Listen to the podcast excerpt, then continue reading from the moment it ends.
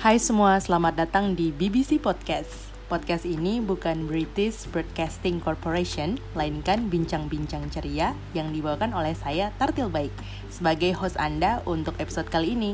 Nah, di BBC Podcast kami akan membahas banyak hal dari hot issue, opini, tips dan trik, story, history, dan passion. So, stay tuned. Ngomong-ngomong soal pertambangan, apa sih yang terlintas di pikiran kalian? Kalau yang sering nonton berita atau baca-baca artikel pasti tahu dampak pertambangan ini bisa sangat memperparah kondisi lingkungan. Tidak hanya itu, karena dampaknya bisa berakibat sangat buruk bagi kelompok masyarakat. Contohnya dari segi kesehatan juga mata pencaharian, khususnya mereka yang tinggal di daerah-daerah. Nah, pertanyaannya gimana sih supaya kita bisa membantu lingkungan kita jadi lebih baik ke depannya? Pertanyaan ini mungkin masih belum ada jawaban yang tepat kali ya. Pasalnya masuk COVID ini, ini kan udah masuk tahun kedua ya, dan perekonomian kita di Indonesia ini benar-benar carut marut. Kayak seperti kena tamparan keras lah istilahnya seperti itu. Kalau kalian baca-baca berita, sektor pertambangan ini mungkin yang bisa paling menggenjot perekonomian negara kita gitu apalagi di kondisi seperti ini gitu. Walaupun bukan satu-satunya tapi ya paling menguntungkan lah ya kalau dari uh, sudut pandang pemerintah kayak gitu. Nah jangan khawatir kebingungan kita mungkin uh, bisa bermuara pada sebuah solusi gitu ya setelah berbincang-bincang dengan Indri. As you know Indri itu concern banget di isu-isu tentang lingkungan. Nah apalagi ada isu yang isu yang hype banget yang uh, saat ini gitu ya tentang pertambangan. Sebelum kita lanjut bincang-bincangnya, ada beberapa fakta yang ingin aku sampaikan. Yang pertama, Jatam atau Jaringan Tambang mencatat tahun lalu terjadi 45 konflik tambang yang mengakibatkan 69 orang dikriminalisasi dan lebih dari 700 hektar lahan rusak. Yang kedua, Walhi atau Wahana Lingkungan dari Sulawesi Selatan melakukan riset adanya tambang pasir laut merugikan masyarakat sekitar 85 mil, eh, sorry, 80 miliar. Yang ketiga, di Halmahera Timur itu di Maluku Utara, pertambangan mengakibatkan kerusakan lingkungan di mana masyarakat tidak dapat mengakses air bersih dan mereka harus membeli air ya kalau di Kalimantan tempatnya si Indri itu hal yang lumrah kalau beli air ngeri ya. Nah yang keempat ini adalah berdasarkan ini ya riset dari Jatam juga jaringan tambang. Ada sebanyak 44% daratan di Indonesia yang sudah diberi izin untuk dijadikan usaha tambang yaitu sekitar 8.500-an usaha itu sama seperti dengan 93 juta hektar atau empat kali lipat luas provinsi Kalimantan Timur dan Kaltara atau Kalimantan Utara. Uh. Oke. Wah, halo Ndri, apa kabar? Lama ya dari episode terakhir, akhirnya bincang-bincang ceria uh, update lagi nih. Dan ya. topiknya tuh topik yang hangat banget saat ini baik di dunia nyata maupun di dunia maya ya yang itu tuh kayaknya sayang banget kalau dilewatkan gitu.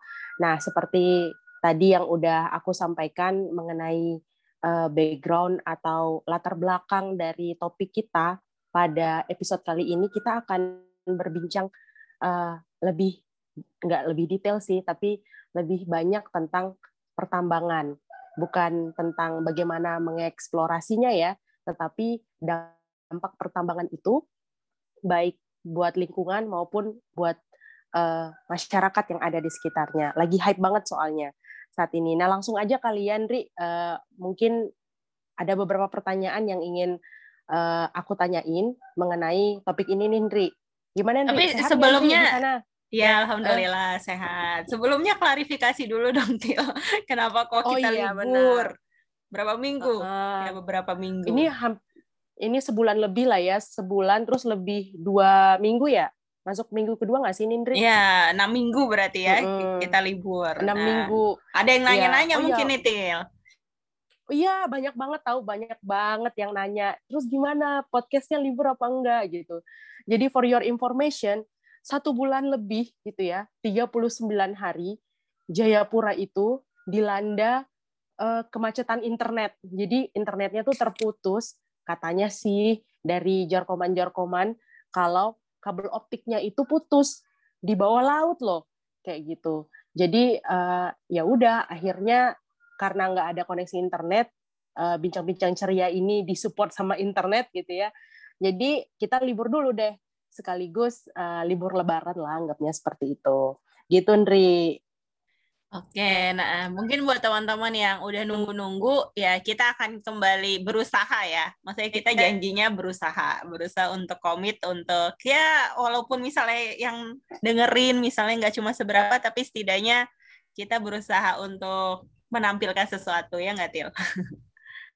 Iya benar, menghadirkan sesuatu yang itu bisa tetap didengar dan menjaga kewarasan kita gitu loh. Jangan cuma asal wah gitulah mendapatkan berita kemudian kita hanya bisa oh, ya udah diam aja atau komplain aja gitu tapi kita butuh uh, insight baru untuk oh ya ini nih kita harus kayak gini nih at least pada diri kita sendiri untuk uh, membuat perubahannya nggak Sindri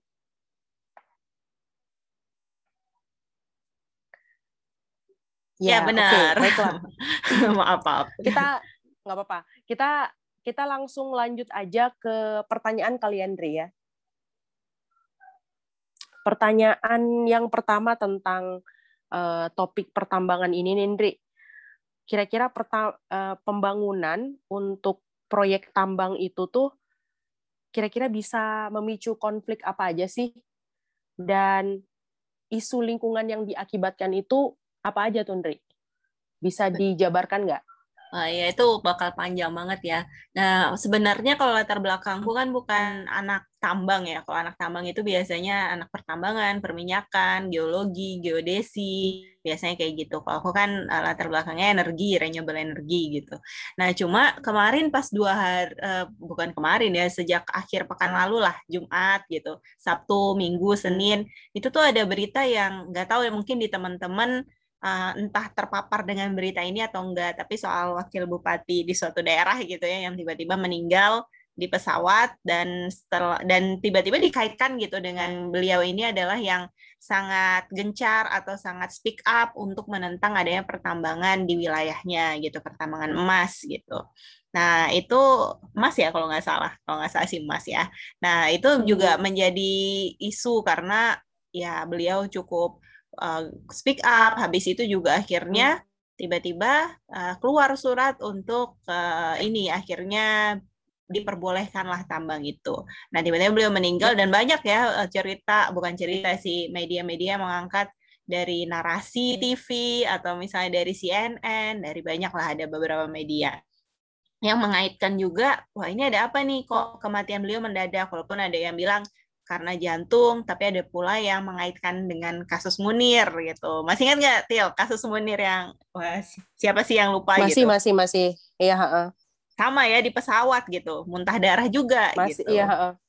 Uh-uh. Nah, itu. Tapi kita nggak akan bahas itu ya, karena ya itu bukan skop kita dan juga ya kita serahkan lah. Nah, cuma masalah tambang ini kenapa kok begitu seksi? Nah, mungkin dari Tartil sendiri. Nah, lu kan tinggal di Papua ya di Jayapura yang seksi banget dengan Freeport. Nah kira-kira selama puluhan tahun hidup di sana, nah kira-kira apa sih yang sering didengar dari kecil sampai besar tentang tambang emas di Freeport itu, Til?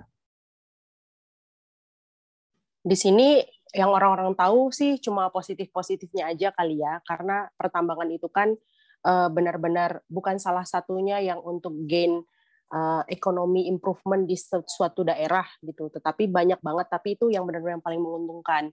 Jadi hasilnya itu ya untuk pembangunan katanya sih seperti itu kayak gitu. Karena aku sih nggak terlalu lama tinggal di Jayapura ya. Jadi cuma sebatas sampai SMA, kemudian setelah itu keluar gitu ya.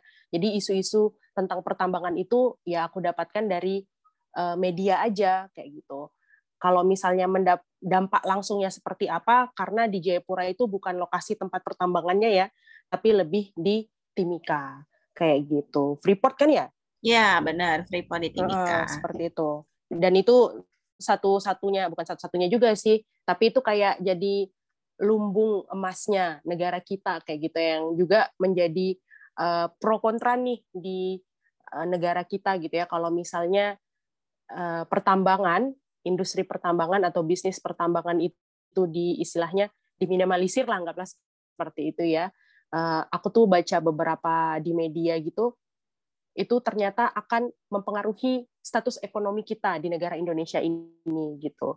Tapi kan dari perspektif orang yang kerja di bagian lingkungan seperti Indri pasti ada lah ya eh, kira-kira langkah-langkah yang bisa kita lakukan sebagai individu gitu loh tanpa uh, harus gimana ya mengorbankan dampak yang lebih besar untuk masyarakat atau lingkungan. Benar nggak, Sindri? Ya, betul. Nah, mungkin uh, buat teman-teman yang nggak tahu tambang itu apa, nah tambang itu biasanya kita refer ke pertambangan mineral ya, gitu. Jadi kalau misalnya ada undang-undang minerba, mineral dan uh, batu bara energi terbarukan gitu kan, habis itu nah mineralnya itu apa, Nah, mineral itu bisa batu bara, habis itu bisa juga tentang timah, emas gitu, nikel. Nah, ada banyak di Indonesia. Dan kebetulan Indonesia ya bukan kebetulan ya, tapi memang udah takdirnya Indonesia itu memiliki banyak tambang mineral gitu. Karena ya berada di ini ya daerah apa lempeng tektonik habis itu dengan uh, gunung berapi yang cukup aktif. Dan itu membuat Indonesia ini juga kaya, nggak cuma dengan minyak, nggak cuma dengan gas, tapi juga dengan mineralnya.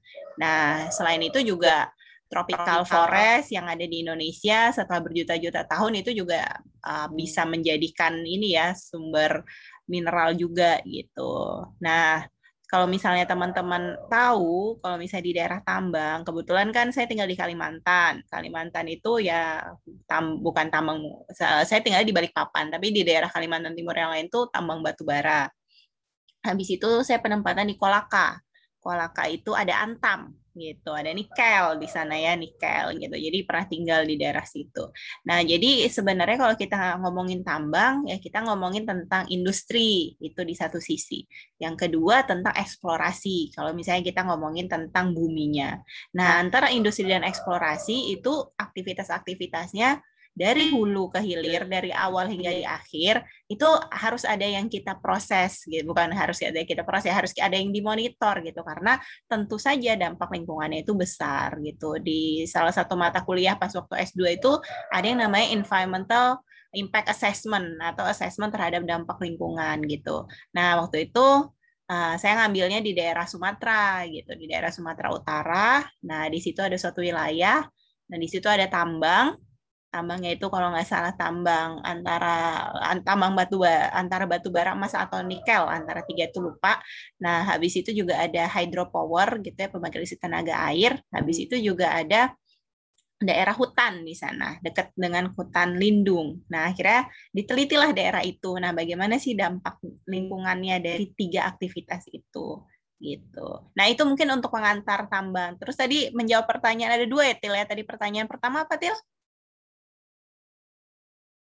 Pertanyaan pertama itu eh, kira-kira pertambangan ini bisa memicu konflik apa saja dan isu lingkungan yang ditimbulkan tuh apa aja gitu.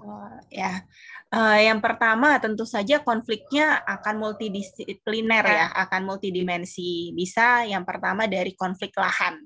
Nah itu yang udah sering banget didengar, apalagi misalnya ketika bersinggungan dengan hutan adat atau masyarakat adat gitu, nah konflik lahan. Karena otomatis uh, dengan adanya pertambangan ada yang namanya land use change atau perubahan fungsi lahan.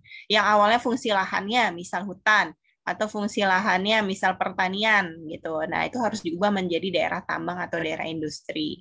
Nah, terus konflik yang kedua tentu saja konflik uh, di ini ya di dampak terhadap masyarakat sekitar. Misalnya sosial masyarakat. Apakah sosial masyarakat sekitar uh, rumahnya misalnya rumahnya misalnya digusur atau misalnya pekerjaannya yang awalnya nelayan atau yang awalnya mereka bertani jadi kehilangan pekerjaan seperti itu.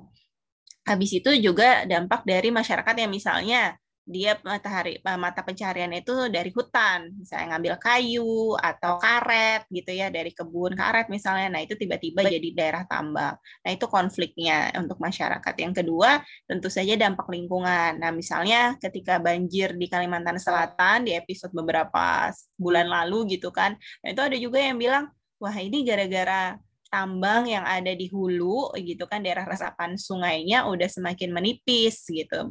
Maksudnya udah udah semakin sedikit lah yang bisa diserap. Nah, karena hutannya udah tidak ada gitu. Bukan tidak ada tapi udah sangat berkurang karena adanya alih fungsi lahan. Yang tadinya hutan menjadi uh, tambang. Nah, akhirnya daerah resapannya kurang ketika hujan yang harusnya meresap akhirnya ngalir semua ke sungai, sungai tidak dapat menampung volume air tertentu, akhirnya meluap menjadi banjir. Nah, mungkin dua konflik itu, Til, yang uh, antara sosial masyarakat sama lingkungan. Nah, kalau konflik yang ketiga mungkin kepentingan sama uh, ini ya, uh, politik gitu. Nah, cuma masalah kepentingan dan politik ini kan menjadi payung dari tadi masyarakat dan lingkungan karena ya izin usaha atau izin diperbolehkannya pembukaan lahan itu kan balik lagi ke kebijakan, balik lagi ke pemerintah. Nah, jadi itu sih kalau misalnya bisa menggambarkan secara sederhana untuk pertanyaan pertama. Yang kedua apa tadi, Til? Uh, iya, itu udah include sih uh, maksud dari isu lingkungan itu seperti apa. Tapi benar juga sih yang disampaikan sama Indri. Jadi memang yang jadi payung dari semua uh, sebab akibat dari apa namanya adanya pertambangan ini adalah kebijakan dari pemerintah gitu ya kepentingan uh, politik dan publik seperti itu. Uh, mungkin pertanyaan berikutnya adalah karena memang isu lingkungan ini menjadi salah satu hal yang paling diangkat gitu ya karena ya kita sekarang lagi covid juga kayak gitu kan dan perekonomian setiap negara nggak cuma di Indonesia juga sedang gonjang-ganjing seperti itu kan.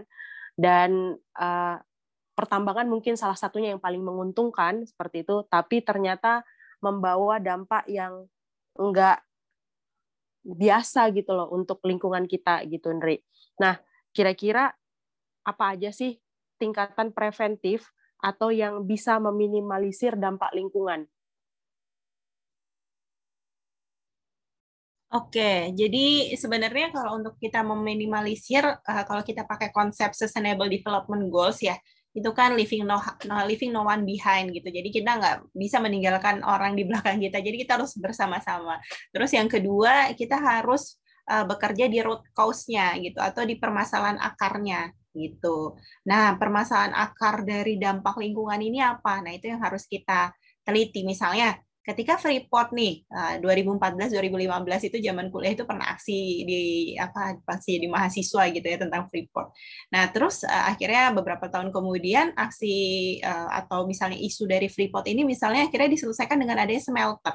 Nah, apakah dengan adanya smelter itu selesai gitu? Nah, itu yang harus dipertanyakan. Jadi root cause dari tambang ini apa gitu. Dan tadi yang seperti aku bilang di awal ya, tambang ini punya fungsi industri, habis itu juga punya fungsi eksplorasi gitu.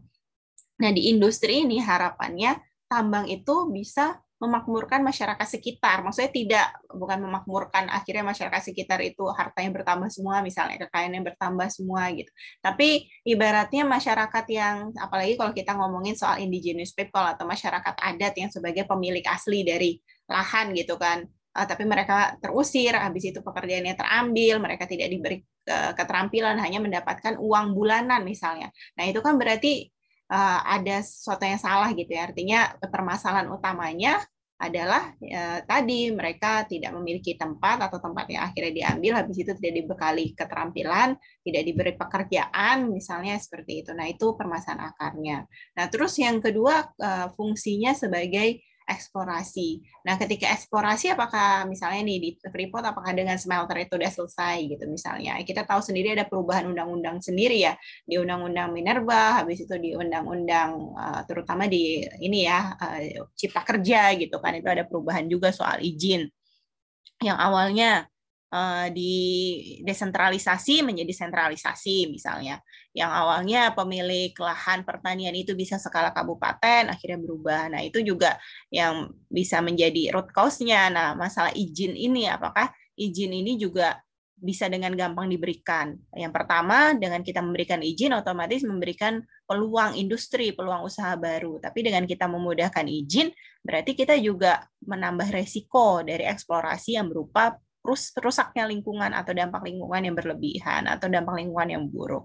Nah, dari izin ini, nah izin ini sebenarnya udah diatur nih, misalnya mereka harus mengadakan uji AMDAL atau uji analisis dampak lingkungan atau ya tadi environmental impact assessment.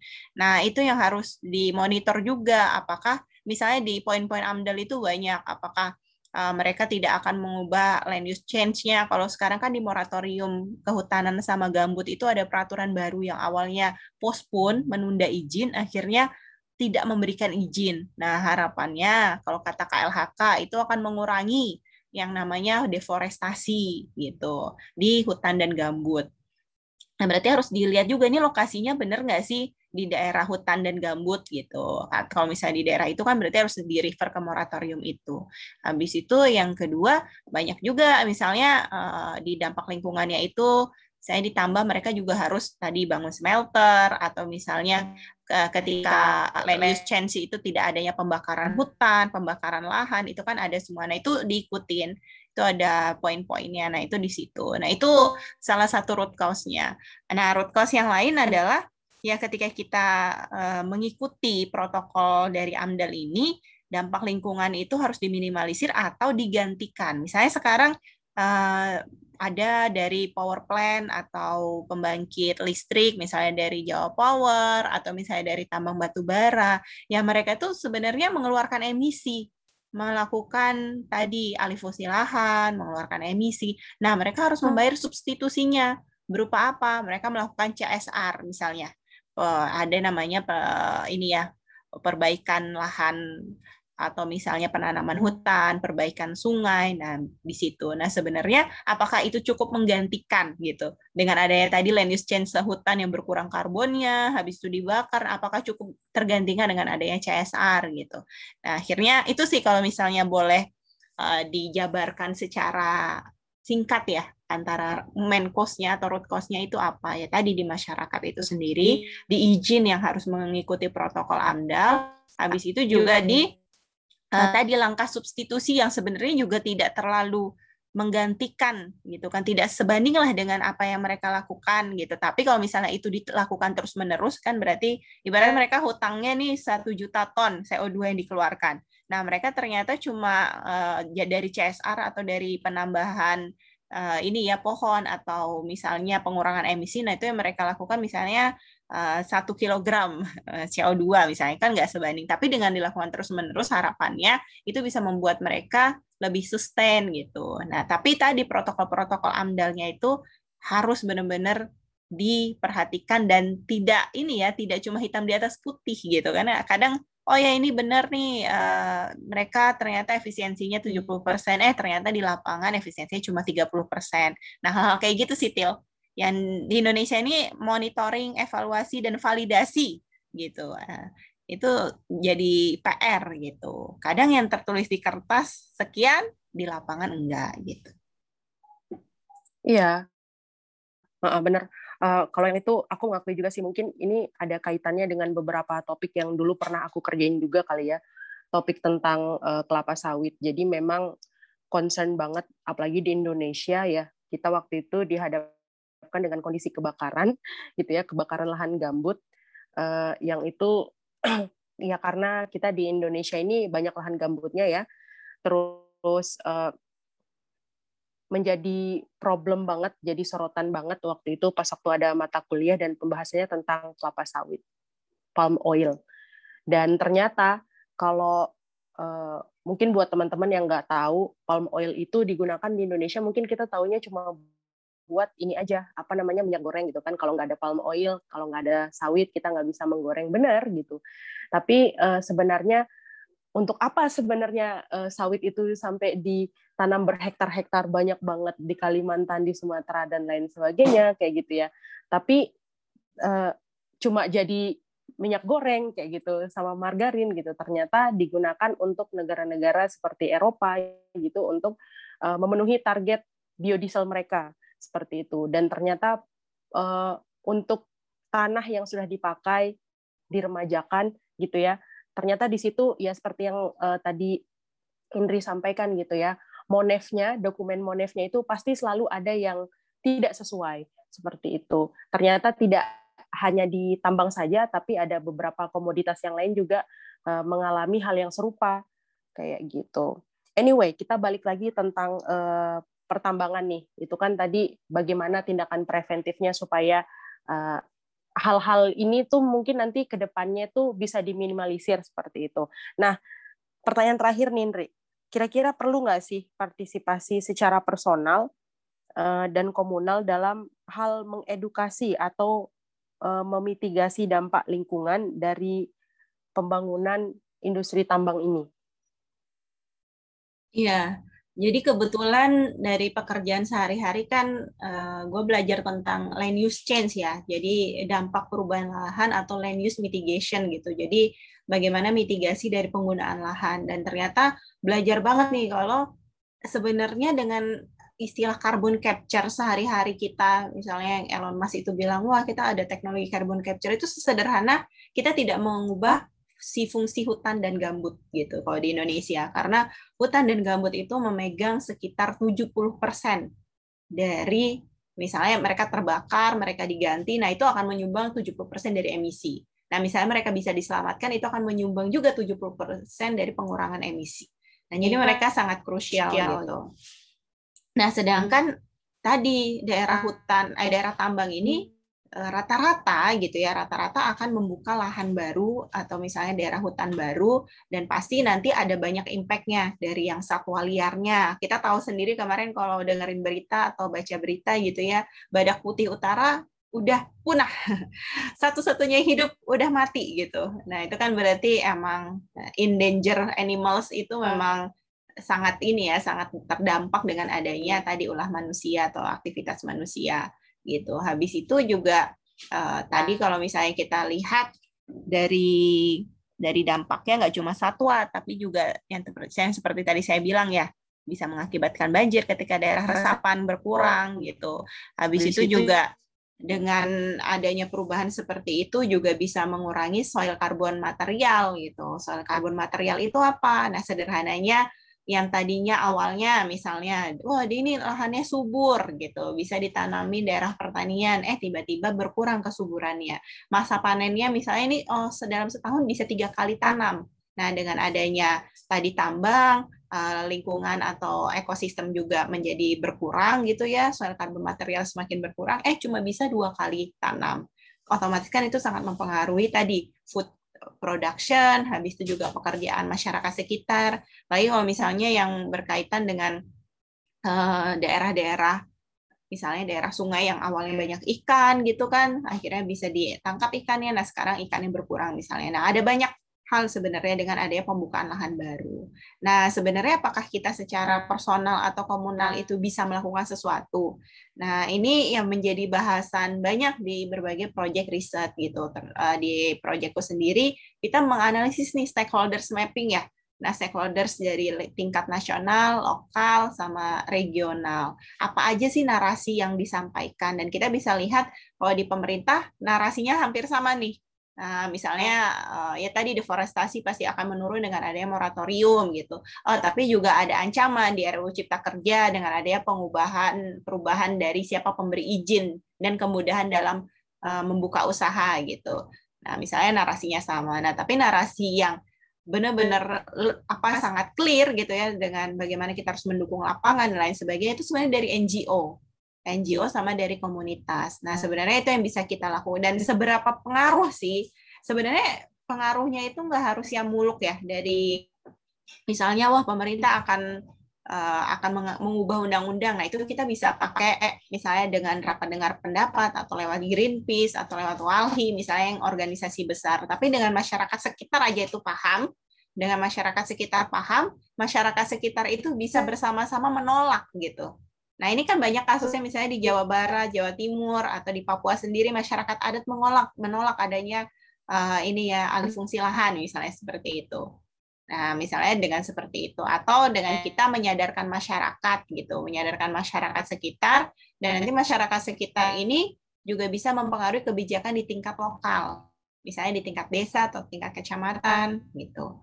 Nah, itu sih paling til yang bisa kita lakukan dan organisasi atau narasi edukasi lewat organ lewat komunitas atau NGO atau misalnya lewat organisasi yang kita ikuti itu sangat berpengaruh sih untuk bisa menambah pengetahuan orang-orang atau setidaknya kesadaran. Awareness itu sih yang penting sih.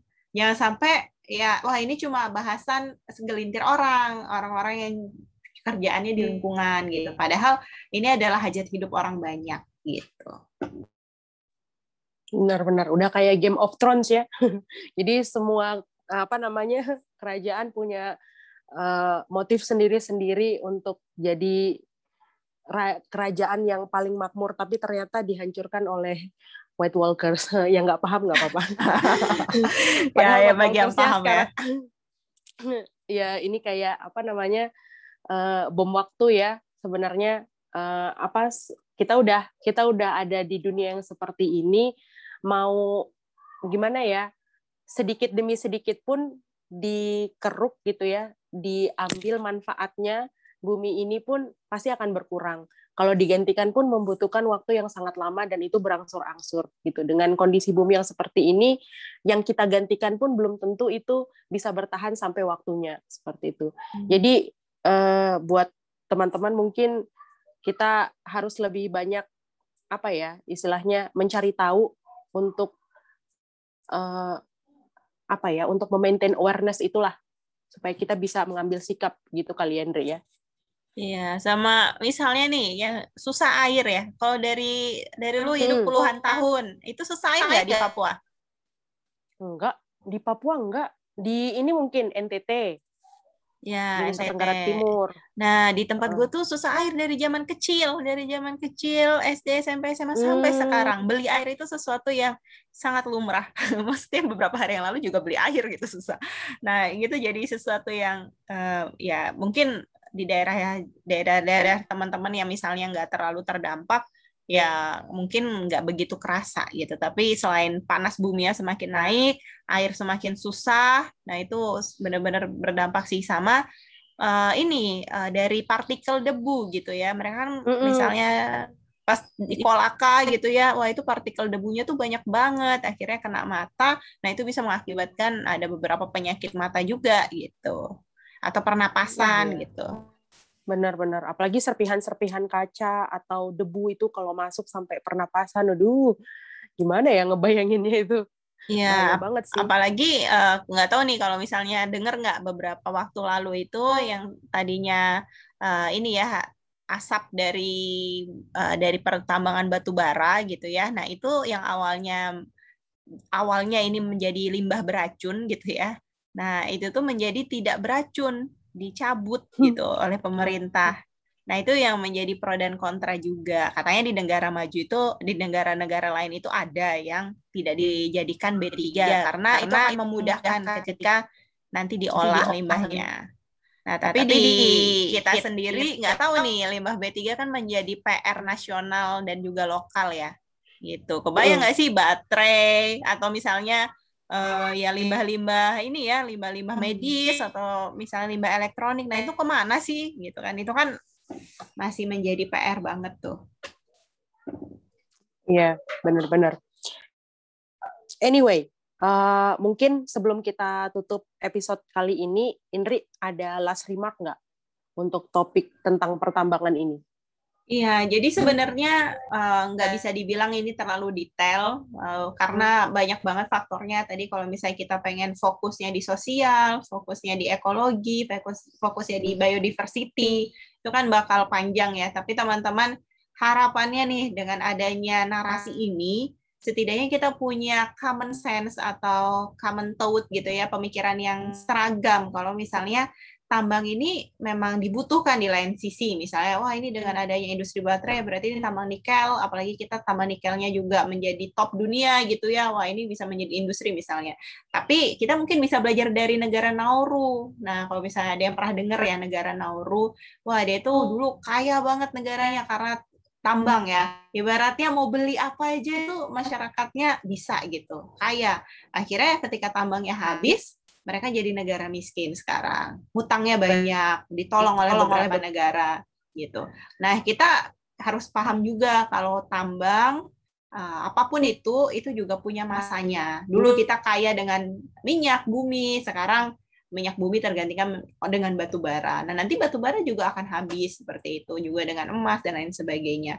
Nah, jadi harapannya kita harus berpikir jangka panjang gitu. Mari kita bersama-sama jaga lingkungan, narasi yang sederhana dari personal ke, ke keluarga, ke komunitas, ke tingkat lokal itu harus kita buat gitu agar ibaratnya ya tadi pemahamannya sama jangan sampai kita menggadaikan menggadaikan lingkungan, menggadaikan masa depan anak cucu untuk hal yang cuma sebentar gitu jangka panjang, jangka waktunya gitu deh.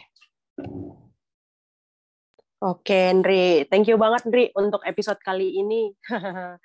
Semoga nanti di episode-episode berikutnya kita bisa diskusi atau berbincang-bincang dengan topik yang lebih menarik yang eh, menarik lainnya. Thank you, Andri. Oke. Okay.